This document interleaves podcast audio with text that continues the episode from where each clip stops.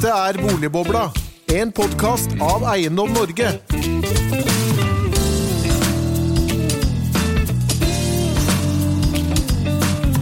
Hjertelig velkommen til en ny episode av Boligbobla. Denne gang om prognoser kontra faktiske boligpriser, og kanskje vi står nede, ovenfor en ny nedtur. Oppturen i norsk økonomi er snart over, og verdensøkonomien er langsomt på vei inn i en lavkonjunktur, meldte SSB da de presenterte konjunkturtendensene tidligere i desember. Hvor skal norsk økon og global økonomi i 2020, og hvor går det norske boligmarkedet, spør vi. Og vi må også innom en liten tur på SSBs kontrafaktiske eh, prognoser for hva hadde skjedd med norsk økonomi og boligmarked hvis oljeprisen ikke hadde falt fra 110 til 30 dollar fatet i 2014 til 2016. For å ta oss igjennom dette har vi noen eh, flotte gjester. Eh, Thomas von Brach, forsker fra SEB, hjertelig velkommen til deg. Takk. Og hjertelig velkommen til deg, sjefsøkonom i DNB Markets, Kjersti Jævland. Tusen takk. Velkommen. Og hjertelig velkommen til deg, Christian. Tusen takk, Erik. Din siste episode i Boligbobla. Det er det, så jeg skal si gå det. ut med stil. Jeg går ut med stil. Ja. Kanskje du kan komme tilbake som gjest? Ja, du får invitere meg da, Ja. Erik. Da skal jeg sitte på andre siden av bordet for lytterne der ute, så vi sitter på faste plasser her. Så kanskje jeg kan komme som gjest. Det hadde vært ja. veldig rart å sitte på andre siden av bordet. Men eh, vi har også vært ute med noen ferske prognoser for boligmarkedet denne uken. Ja. Eh, hvilke forventninger er det Eiendom Norge har til boligmarkedet i 2020? Ja, Vi eh, kommer årlig med prognoser for landet og de fire største byene. Eh, Vi har jo nå hatt eh, vi er jo ikke ferdig med desember, men eh, i 2018 så hadde vi en nominell boligprisvekst på 2,8 Eh, Og eh, jeg kan jo røpe såpass at eh, foreløpig tall i desember etter halv måned gått, og det er jo ikke så fryktelig mange transaksjoner i den andre halvparten. Tynne markeder? er Ja, det, det kan du trygt. Mm. I hvert fall siste 14 dagene i desember så er det vel på det tynneste i løpet av året.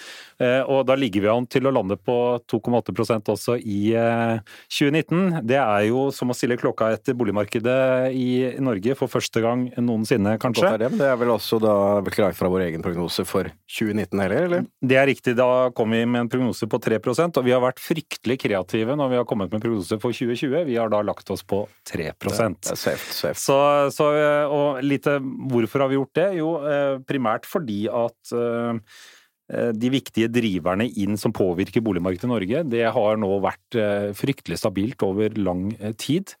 Eh, Vi ser eh, en stabilitet i folkeveksten, det flater ut. Husholdningsveksten er også eh, stabil. Boligbyggingsaktiviteten er det, det ropes og skrikes mye, men makrotallene på igangsetting er ganske bra.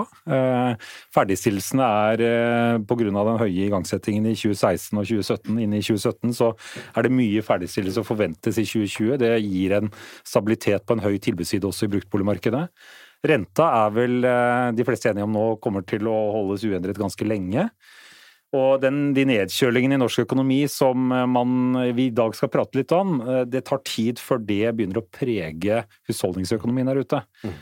Neppe i 2020. Så, så stabilitet er et nøkkelord, eh, og det er det vi også tror er et nøkkelord når man skal begynne å se på boligmarkedet i 2020. At det kommer til å gi en ganske lik utvikling som i 2018 og 2019. Mm. Ja, jeg kan snakke byen nå, men jeg tror vi skal slippe det. Ja, vi kan slippe testene. Eh, oppturen i norsk økonomi er snart over, sa, sa dere her tidligere i desember, Thomas. Ja, det er riktig. Hvordan, hvordan Hvorfor det? Uh, altså Hvis du ser tilbake, så har norsk økonomi nå vært i oppgang i nesten tre år. Og denne oppgangen var i starten godt drevet av ekspansiv finanspolitikk, eh, lav lønnsvekst, eh, svak krone og lavere renter. Eh, Men nå ser vi altså at eh, en del av disse impulsene de i, har, har snudd. Eh, Rentene har vært hevet i det siste. Og det som da også er viktig å få med seg, er at det som har vært med å løfte norsk økonomi i inneværende år, det er jo en markert vekst i petroleumsinvesteringene, men Johan også Sverdrup og Spesielt Johan av ja. eh, Johan Sverdrup, men det har også vært investeringer i, eh, i næringsinvesteringene mer generelt, og industrien som da leverer inn til petroleumssektoren, som har vokst betydelig i 2019. Men vi ser nå at det kommer til å bli et eh, omslag i, i disse investeringene, så de impulsene som da har vært med å løfte norsk økonomi i 2019, de tror vi blir eh, betydelig mer moderat i 2020. Så vi mener derfor at vi står overfor et taktskifte i norsk økonomi, og at norsk økonomi kommer til å være nær det vi kaller konjunkturnøytral i årene framover. Kjersti, dere, dere har ikke kommet med deres prognoser ennå. Skulle du si på bakrommet her? De kommer først i neste år? ja, de kommer i januar, men vi har jo prognoser eh, Ja. fra november, så, så veldig gamle er de ikke, nei.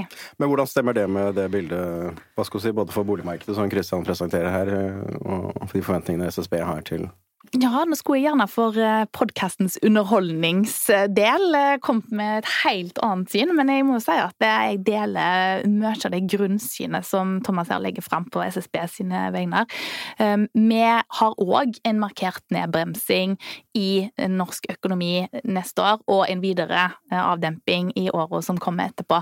Eh, Det er det vi tror kommer til å skje av nettopp det, at oljeboomen, som har vært veldig kraftig i år, eh, den har vært kraftig, men den blir kortvarig, eh, og etter hvert vil han da Neste år blir det mer sånn utflating, og så, og så ligger den til ned, nedgang i investeringene. Fra et veldig høyt nivå, da, skal sies. Eh, Så, og på likt med dette her, så går det jo litt surt rundt oss, da. Det må vi jo huske. Eh, Eurosonen vokser veldig dårlig, Tyskland særlig dårlig.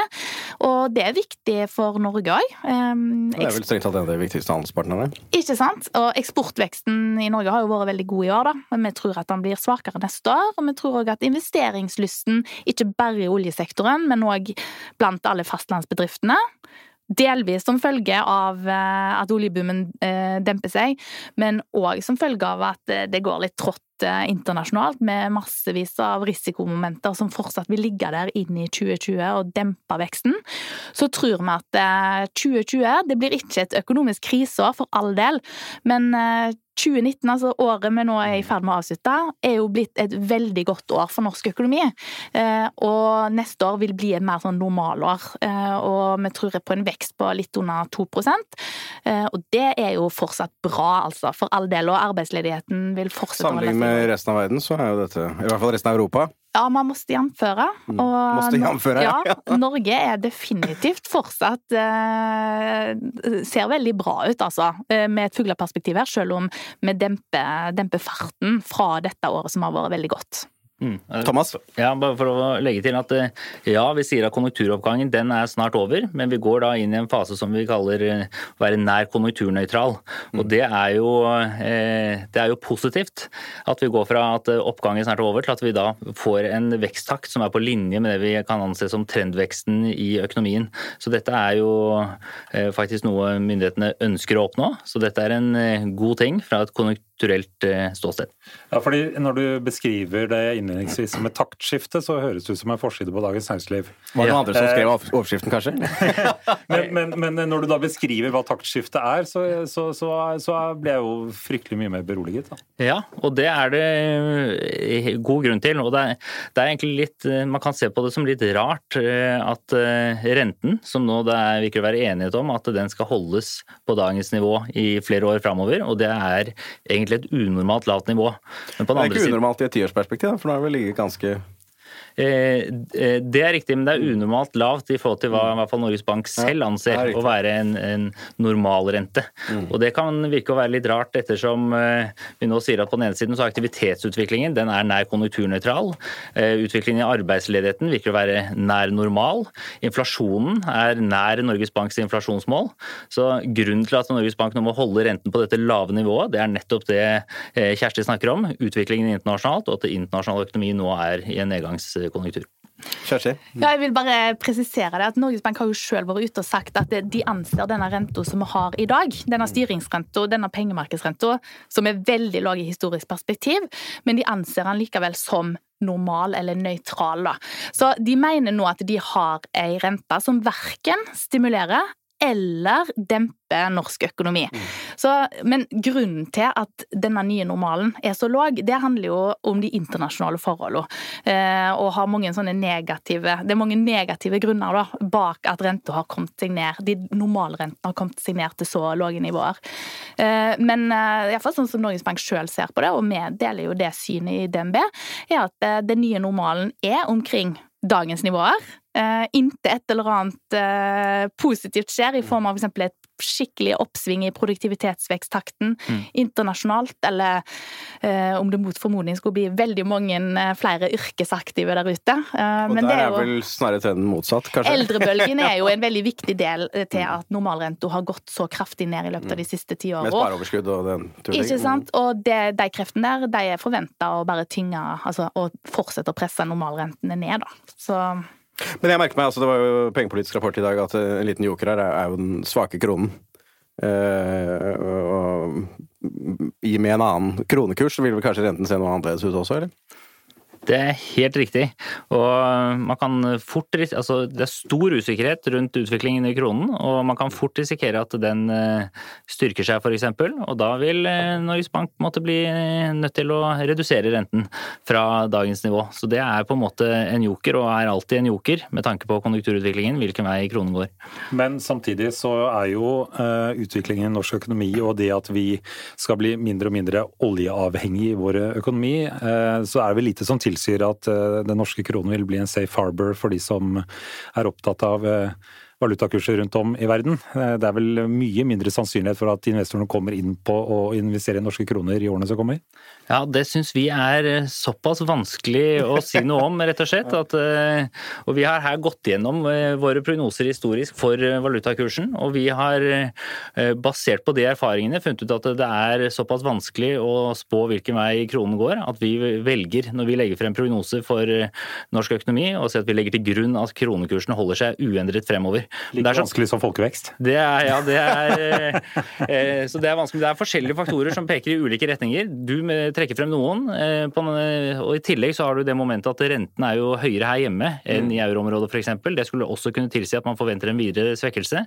Samtidig så er den nå på et, eh, den er på et historisk svakt nivå, og vi har vanskeligheter med å forklare ordentlig hvorfor den har kommet på det svake nivået, og det skulle kanskje kunne tilsi at den skulle kunne styrke seg. Så, For Vi har jo hørt snakk nå i mange år at krona kommer til å styrke seg, og det har ikke skjedd.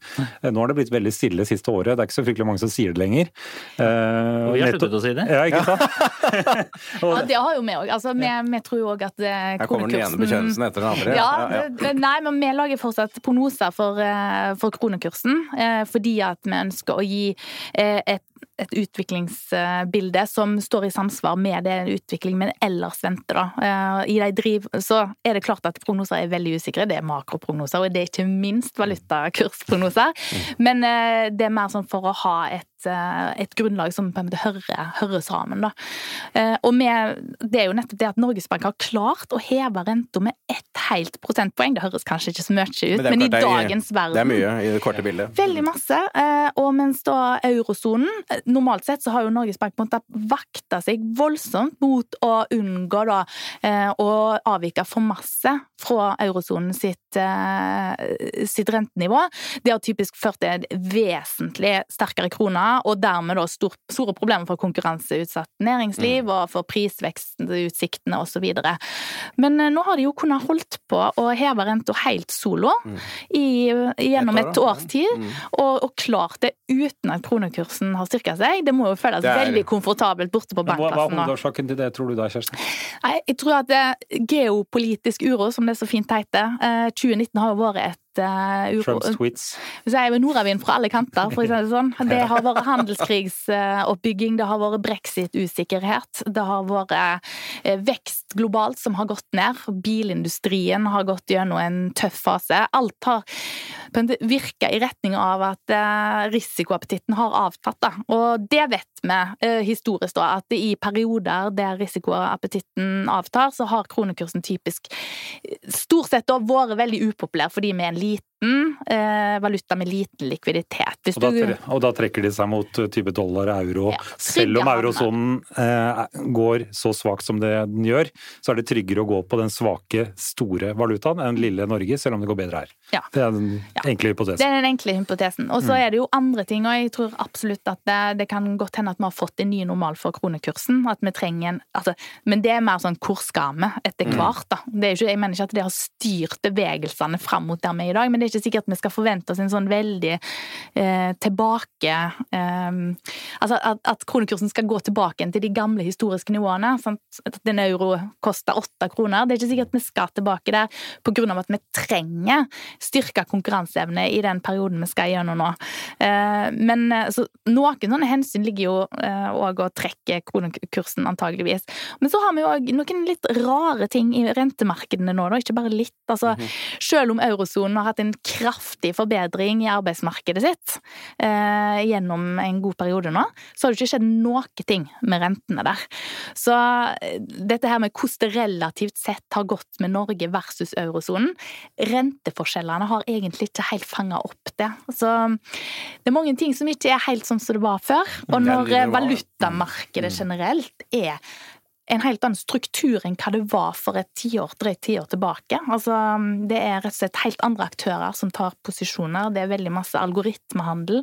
Eh, det er mye mindre av de aktørene som går inn og tar et bedt mot Nei, vi tror at norsk økonomi skal gå i denne retningen, da går vi mot markedet. Og. Mm. Det, det er mye færre av de enn før, pga. reguleringer og den slags. Men, men, Thomas, du var jo inne på dette her med at rentenivået ligger der det ligger, veldig mye pga. europeiske forhold. Eh, men vi har jo, for å bringe det litt over til eh, det vi snakker mest om, nemlig bolig og boligmarked. Eh, vi har jo nå kommet på et nivå på boligpriser, i hvert fall i Stor-Oslo og de største byene, som har, har gjort at vi har fått et gjeldsnivå som det er snakket mye om i, eh, i forbindelse med boliglånsforskriften og, og, den debatten som har vært rundt det i høst. Um, det er jo nå mye mer viktig i eh, forhold til mulighetsrommet til Norges Bank til å heve renten. Mm. Ehm, så jeg kunne tenke meg å få noen betraktninger fra deg rundt det. Også litt sånn i, i løpet av det siste året som vi har hatt fire eh, rentehevninger. Hvordan markedet har absorbert det. Hva, hva, hva er deres syn på dette? Altså, eh, Det overordnede synet på boligmarkedet det er egentlig ganske likt som det du presenterte innledningsvis. At eh, etter noen år hvor det har vært ganske store fluktuasjoner, så er det nå mer Norwegian rollercoaster pleier vi å kalle det. Ja, nettopp. eh, riktig. Og som da også illustrerer på en måte betydningen av renten for boligmarkedet. Eh, så er det nå mer eh, balanse, og det, det, ser vi at, eh, og det tror vi at det kommer til å fortsette i årene framover også. At det er mer balanse mellom tilbud og etterspørsel, og at eh, du får en litt moderat utvikling i boligprisene fremover. Men jeg har bare lyst til å trekke frem én ting, for du nevnte de underliggende driverne. Og vi sier jo hele tiden at nå er vi på en måte nær en normalsituasjon. Men da er det jo viktig å huske på, når vi sammenligner historisk, hvis du tenker på at en viktig driver er husholdningenes inntekter og og lønnsveksten, så sier vi nå at eh, ja, lønnsveksten blir litt høyere enn det den har vært i de senere årene. Men hvis du tenker på det i et historisk perspektiv, så er det jo ikke noe høy lønnsvekst vi har å vente i årene framover.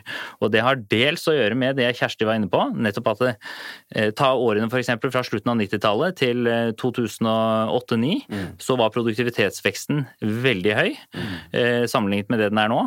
Og det har vært med å løfte, løfte lønnsinntektene. I tillegg tillegg så hadde, var det en periode hvor norsk økonomi var preget av store det vi kaller bytteforholdsgevinster. Nettopp det at vi da kan eh, Prisene på det vi eksporterer øker mye, og det vi importerer, f.eks. klær eh, Flatskjermer. Ha, Flatskjermer har eh, falt, eh, falt, mye. Så vi fikk på en måte eh, I den perioden fikk vi en, eh, en god effekt både av høy produktivitet, store bytteforholdsgevinster. Nå ser vi ikke i tallene noe tegn til at vi skal få produktivitetsvekst på det samme nivået som vi hadde da før 2005. Og det ligger heller ikke an til slik vi ser det, at vi får de samme type bytteforholdsgevinstene i årene fremover. Tvert imot. Eh, ja, eh, så mm, Eh, så med det bildet, så, eh, og siden du er opptatt av de underliggende driverne, så ja, lønnsveksten kommer da til å ta seg litt opp i forhold til hvordan det har vært i de siste årene, men ikke på et eh, veldig høyt nivå. Dette med gjelda er jo det, det, ligger jo der og lurer som en av sårbarhetsfaktorene i norsk økonomi. Og det er klart det at Det var oransje på temperaturkartet til det er det, men Norges Bank. I dag, I dag, når vi sitter her, så har jo Norges Bank vært ute og gitt mm. ut en ny pengepolitisk rapport, og der sier det jo det at vi tidligere har sett med uro på at finansielle ubalanser eh, bygger seg videre opp. Altså ei høy husholdningsgjeld. Mm. Det er ikke kun husholdningsgjeld det er snakk om, men det er i veldig stor grad snakk om mm. Husholdningsgjeld som har klatra stadig videre opp fra et allerede historisk rekordnivå, og òg internasjonalt veldig høyt nivå. Mm. Så sier de nå i dag at de nå ser tegn til at finansielle ubalanser stabiliseres, og faktisk kanskje er på vei til å reduseres. Gjeldsveksten er jo ikke sant. Og det er jo boligmarkedet, at boligmarkedet roer seg ned, da. Mm. Eh, det er jo eh, Det er jo en viktig driver bak gjeldsopptaket til husholdningene, så det vil jo, hvis vi ser fortsatt en sånn tendens, som jeg òg er enig med Thomas og SSB om at vi kommer til å få en mer moderat eh, prisutvikling i året som kommer. Det er en ny normal for økonomisk vekst, det er en ny normal for lønnsveksten, det er en ny normal for boligprisene og en nye normal for renta. Ja. Så det er nye normaler overalt. Så det, det neste tiåret er den nye normalen? er det det? Ja, altså, det, og, og, nye normaler kommer til å komme mm. deretter. Mm. Men jeg tenker, vi, vi, vi må ikke belage oss på å gjenoppleve det tiåret som nå Thomas beskrev så godt, med bytteforholdsgevinster og høy produktivitetsvekst som gav Og vi hadde jo en veldig mye høyere lønnsvekst enn våre handelspartnere i en lang periode. Eh, nå har vi slutta med det. Nå har vi en lønnsvekst eh, på linje med våre handelspartnere. Og vi ser i undersøkelser gjort blant f.eks. arbeidstakerorganisasjoner sånn jevnlig, at eh, de har eh, rett og slett justert sine forventninger til framtidig lønnsvekst, og da tenker jeg på de får stadig spørsmål om hva tror du om lønnsveksten om fem år? Mm. Før så, Det er ikke så lenge siden de svarte 4% gjennomgående på det spørsmålet. Mm. Eh, nå svarer de gjennomgående 3 Så mm. um, jeg tror at det, Norge er jo en tilpasningsdyktig økonomi, da. Det er min oppfatning iallfall. Og nå, det ser vi nå. Vi har hatt et år til og med med nedgang i reallønningene i forbindelse mm. med eh, oljenedturen. Mm veldig altså flat reallønnsutvikling en periode. Nå har det plukka seg opp, og vi tror òg at det blir enda litt bedre neste år. Eh, men det er nye normaler, og mm. det vil eh, det, må, det fører til at vi ikke kan forvente oss en sånn reprise på, på det som har skjedd. Det positive her er jo nettopp det at det, det vil òg forhindre at vi går inn i en periode der gjeldsnivået bygger seg opp fra allerede eh, høye nivåer. Mm. Jeg vil bare legge til det at, og som du peker på, gjeldsveksten den eh, tar seg jo opp, men eh, husholdningenes eh, evne til å bære den, altså det man kaller rentebelastningen, den er ikke unormalt høy i et historisk perspektiv. Så eh, det at eh, det er på en måte en ny normal med lave renter, det gjør også at det blir en ny normal i forhold til hvor mye gjeld man kan håndtere. Det er jeg enig i, men samtidig så er det jo sånn at det er eh, hvis en bare gjør beregninger, kan du ikke kjenne fasitsvaret på hvor masse avdrag den enkelte betaler. Mm. Men hvis Norges Bank har jo gjort beregninger som viser det at hvis du både tar med avdrag og renteutgifter, så betaler norske husholdninger en historisk høy andel av sine inntekter i å betjene lånet sitt. Så vi er på noen nivåer som er eh, iallfall grunn til å være varsom, da. Og det er jo derfor at myndighetene har eh, innført disse kravene, som jeg tror har vært en viktig faktor. Ja. Men, men det er heller ikke så rart, unnskyld eh, Kjersti, for det er klart at lønnsnivået nivåene er kommet såpass høyt at eh, det som er grunnbehovet i forbruket, mm. eh, er en vesentlig lavere andel av hva de betaler månedlig enn f.eks. for, for 10-15 år siden. Så det at boliginvesteringene tar en større andel, er jo det er en slags logikk i det òg. Ja. Ja, jeg, jeg, vil bare, ja, bare for å svare siden det var direkte til meg, så, så, ja, det er en del av forklaringen. Men jeg, jeg kjøper ikke at det er en, ikke en signifikant del av forklaringen. Det, det, det tror jeg ikke, alt talt. Så må vi da huske på at eh, I de avdragene så ligger det også det mm, at vi her prioriterer bolig som en del av det konsumet eh, vi Det ligger i den norske DNA-et? Og nettopp. Så det at vi da blir rikere, bruker mer på bolig, det handler da også om at det Eller det eh, er et speilbilde av det at det er noe vi ønsker å konsumere mer av. Så, sånn sett så er ikke det Så sett fra et sånn økonomståsted så er det greit at vi prioriterer konsumet vårt på ja, det er, eh, det er, sånn vi velger å bruke pengene våre, så det Jeg er heller, altså, jeg òg mener det at det, eh, vi kan ikke se på en graf og se at denne grafen her er historisk høy, denne linja her er historisk mm. høy, og dermed konkluderer med derfor er det feil. Mm. Jeg er helt enig i at det, hvis det er sånn at vi er på et eh, vedvarende lavere rentenivå, ja, så skal vi nettopp eh, tåle ei høyere gjeldsbyrde over tid. Eh, så får vi håpe at vi ikke tar feil, sant? og at, eh, at rentene stiger fortere enn det vi ser for oss. Og det er nettopp det eh, altså, Det kan jo være at ja, vi sparer i bolig, da. Det vi sparer, vi har en tradisjon for det. Men vi kan ikke forvente oss at det, den sparer vi har vel kanskje før tidligere tenkt at sparer vi i bolig, så får vi en vanvittig prisstigning med oss, en verdistigning Mm. på kjøpet. Mm. Det er der vi Det kan vi ikke belage oss på. Altså, det skal jo stige, tror vi, sånn jevnt Mm. over, men, men, eh, men ikke, den, eh, ikke det veldig lukrative investeringsobjektet Men, som det har vært. men før oljeprisfallet i 2014, eh, så, eh, så hadde jo dere i forbindelse med eh, disse regneøvelsene rundt disse prognosene, så eh, gjorde dere tidligere en del morsomme eksperimenter, husker jeg. At dere tok inn eksterne økonomer som eh, gjorde stresstesting på ulike drivere. Eh, Og deriblant så har man jo flere ganger gjort stresstesting på eh, kraftig fall i oljepris, fra rundt de, de nivåene på over 100 dollar ned til mot 20-30 dollar. Eh, Og de analysene den gangen eh, viste at dette gikk ikke særlig bra for norsk økonomi. Og så har jo tiden vist at jo, vi har verktøykasse til å faktisk stimulere og klare å komme oss gjennom sånne kriser, og, eh, og evnen til omstilling har vært god. Eh, eh, og jeg bare tenkte å ta litt samme analogi til det de erfaringene har vist oss inn mot boligmarkedet. Fordi Erling Røe Larsen har jo beskrevet renten som atomknappen på boligmarkedet. Eh, og nå har vi vært gjennom fire renteøkninger, ett prosentpoeng. Og hvis du tar prosentuell økning, så er det ganske betydelig fra de nivåene vi kom fra. Eh, og boligmarkedet har jo likevel gjennom 2019 steget nominelt. Mm. har boligmarkedet overrasket i den eh, Er det mye mer substans, eh, solid, enn det dere trodde i forhold til den økningen vi har vært gjennom siste året? Kan jeg bare få lov å skyte inn i forhold til oppsanget ditt, som handlet om beregning som jeg tror du, jeg tror jeg tenk, jeg tror du tenker på beregningen som var gjort for Holden-utvalget. som Ja. altså Før oljeprisen falt, så gjorde SSB en beregning hvor man så på hva ville skje med norsk økonomi hvis oljeprisen faller. Ja. Og Det som er interessant med den beregningen, er at det eh, bereder grunnen for hvordan partene i arbeidslivet skulle tenke på et sånt eh, scenario, og så inntraff det ikke lenge etterpå. Og som eh, Kjersti er inne på, så gikk vi da inn i en periode hvor eh, frontfaget, da som en viktig stabiliserende mekanisme i norsk økonomi, de reduserte sine eh, krav i forhold til lønnsforhandlingene, og vi opplevde også å ha negativ reallønnsvekst i 2016.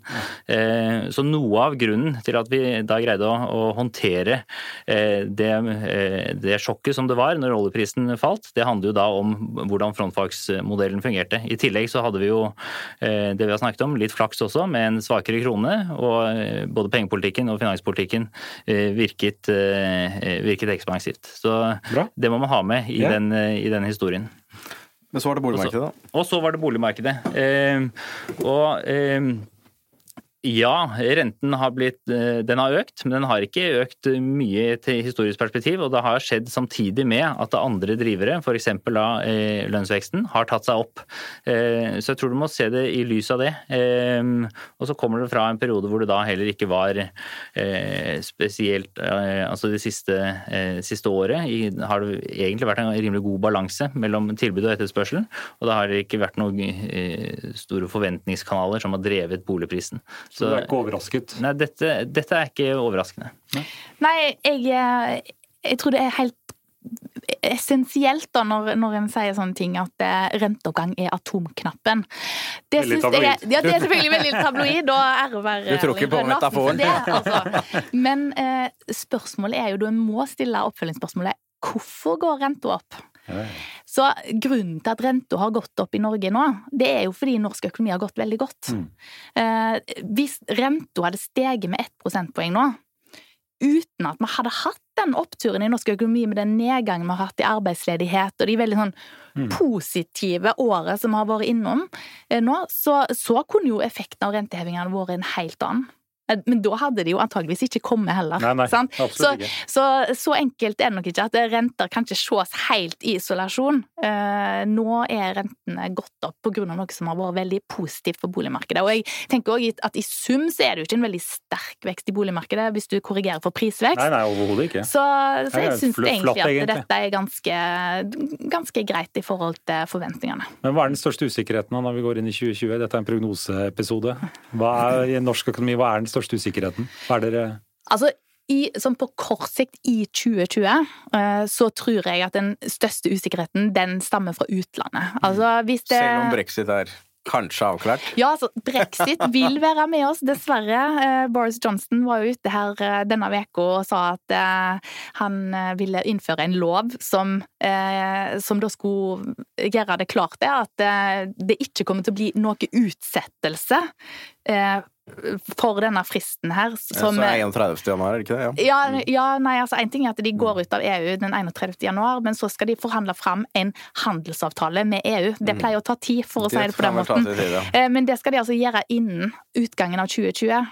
Og mange har jo ment at det kommer ikke til å skje, det klarer de ikke. Men nå sier Boris Johnson det, at nei, de skal få på plass en lov. Det er ikke lov med utsettelser. Da kan en igjen Mm. Det er klart Med flertallet i parlamentet så vil jo det være mulig å få gjennom, da. Ikke sant. Så, så derfor så er det ikke ja, Handelsavtale er ikke mulig å få vil kanskje ikke være. Siste ord er ikke sagt om brexit, tror jeg, og de effektene det kan få inn i verdensøkonomien. Og siste ord er ikke snakket, eh, sagt når det gjelder handelskonfliktene og muligheten for oppblussing der igjen. Andre typer negative uh, sjokk inn i, fra det internasjonale. Eh, det er jo klart at eh, uten denne oljeboomen som har vært oppe og støtta oss i år eh, kraftig, i et år der ting har sett vesentlig svakere ut i veldig mange andre land, mm. så vil vi jo ikke ha denne her medvinden med oss på samme måte neste år. Så jeg tror at de utenforliggende risikofaktorene er viktigst neste år. Og på sikt, på lengre sikt, men det skal man kanskje ikke ta Du tror opp ikke her nå. Trump vil være så busy med riksrettssaken i de kommende, kommende åra at han ikke har tid til å drive handelskrig? Han har tid til flere ting på en gang. Jeg tror han har tid til det han har lyst til å ha tid til. Ja. Så enkelt er det med Trump. Ja. Så er jo da det store spørsmålet når det gjelder eh, handelskrigen, er jo hva er Trump tjent med eh, inn i valgkampen? Er han tjent med en konflikt med Kina, eller er han tjent med å lande en avtale? Det tror jeg avgjør om det blir en avtale eller ikke. Eh, Det er jeg helt enig i, og der ligger det jo en, et veldig dilemma for Trump, da. Fordi eh, nå, hvis han tror på at økte handelsbarrierer eh, demper veksten i amerikansk økonomi, som de fleste tror Jeg er ikke helt sikker på om Trump mener at det er tilfellet, men Det er umulig å være tror på det, på hva han mener om noen ting, egentlig. Ikke sant? Aksjemarkedene pleier iallfall å ta eh, nyheter om eh, eskalerende handelskrig eh, negativt. Mm. Og det er jo selvfølgelig Det er ikke den type vind en har lyst til å ha med seg inn i presidentvalget. På den andre sida, hvis han er for soft med Kina Altså, det er brei, bredt konsensus i USA politisk, demokrater og konservative, om at eh, Kina skal tas, og de skal ikke tas med silkehansker, for å si det sånn. Og han har jo ved flere anledninger fått nettopp kritikk for at nei, nå, nå, er, du for, eh, nå er du for lettvint, og dette blir for eh, lett for Kina å slippe unna med. Så jeg tror at summen av det hele vil være at, at vi får nettopp videre sånne oppblussinger av altså, ordkrig, og kanskje nedbryte Altså at handelsavtalene går i vasken i løpet av året, sjøl om det er et presidentvalgår, da.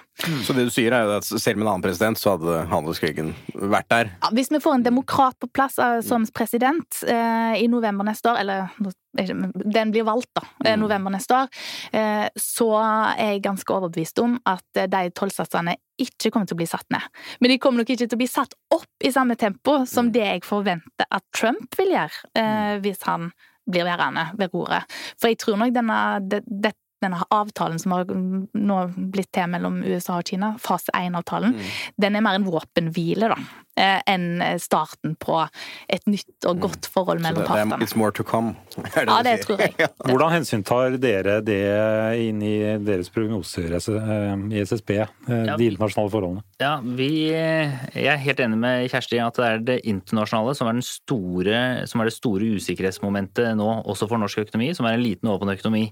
Og når vi nå la frem våre prognoser, så eh, så vi nettopp at det var stor usikkerhet, og eh, da spesielt i forhold til hva som skjer i USA. Og vi gjorde også en alternativberegning eh, for å illustrere eh, hvordan et eh, kraftigere tilbakeslag i USA kan spre seg til våre andre handelspartnere, og der, derigjennom også ramme norsk økonomi.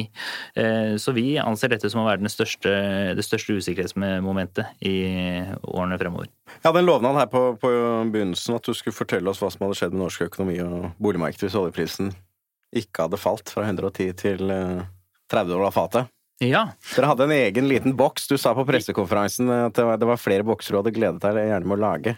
ja. Dette var en av de. Det var en av de, det er helt riktig. Um, og Det som var utgangspunktet da, var at vi gikk tilbake, så hva slags prognoser var det vi lagde i begynnelsen av 2014, før oljeprisen falt. Mm. Uh, og Da uh, lå det an til at oljeprisen ikke skulle falle til uh, under 30 dollar fatet, men at den skulle falle litt, fra 110 dollar ned til 90 dollar, og deretter skulle realprisen være om lag uendret.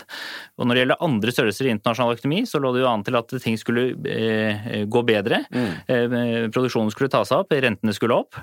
og når når det gjaldt oljeinvesteringene her hjemme, så skulle de eh, langsomt avta, men ikke i nærheten av det nivået som da skjedde. Så den beregningen vi nå har gjort, den stiller da spørsmålet hvordan ville norsk økonomi sett ut hvis disse forutsetningene om internasjonal økonomi og oljeinvesteringer her hjemme hadde blitt slik vi trodde i begynnelsen av 2014. Eh, og svaret da, eh, det er jo at det har hatt en stor innvirkning på både produksjon, eh, rente, eh, valutakurs og arbeidsmarked her hjemme. Og I boksen så ser vi egentlig spesielt på utviklingen i sysselsettingsandelen. Eh, og Bakgrunnen for det det er jo at sysselsettingsandelen, som altså da viser andelen av befolkningen i arbeidsfør alder som er sysselsatt, den har falt i lang tid. Og det er flere grunner til det. Én eh, grunn til at den har falt, er demografiske endringer. Det blir flere eldre. Eldre jobber mindre. Det førte at, at, ja. Mm. Nettopp. Og det fører til at sysselsettingsandelen faller. Men på den andre siden så blir Norges befolkning også høyere utdannet. Og beregninger fra SSB viser at det mer enn motvirker denne effekten av aldringen av befolkningen. Og da er det naturlig å peke på konjunkturelle faktorer som en, som en viktig grunn til hvorfor sysselsettingsandelen har falt. Og da, dermed var det interessant å si ok, hva er da effekten av dette eh, kraftige konjunkturelle tilbakeslaget som vi fikk etter 2014. Og Det analysen da sier, er at det har faktisk bidratt til å ehm, eh, til å redusere sysselsettingsandelen med i overkant av ett eh, prosentpoeng. Så det er betydelig.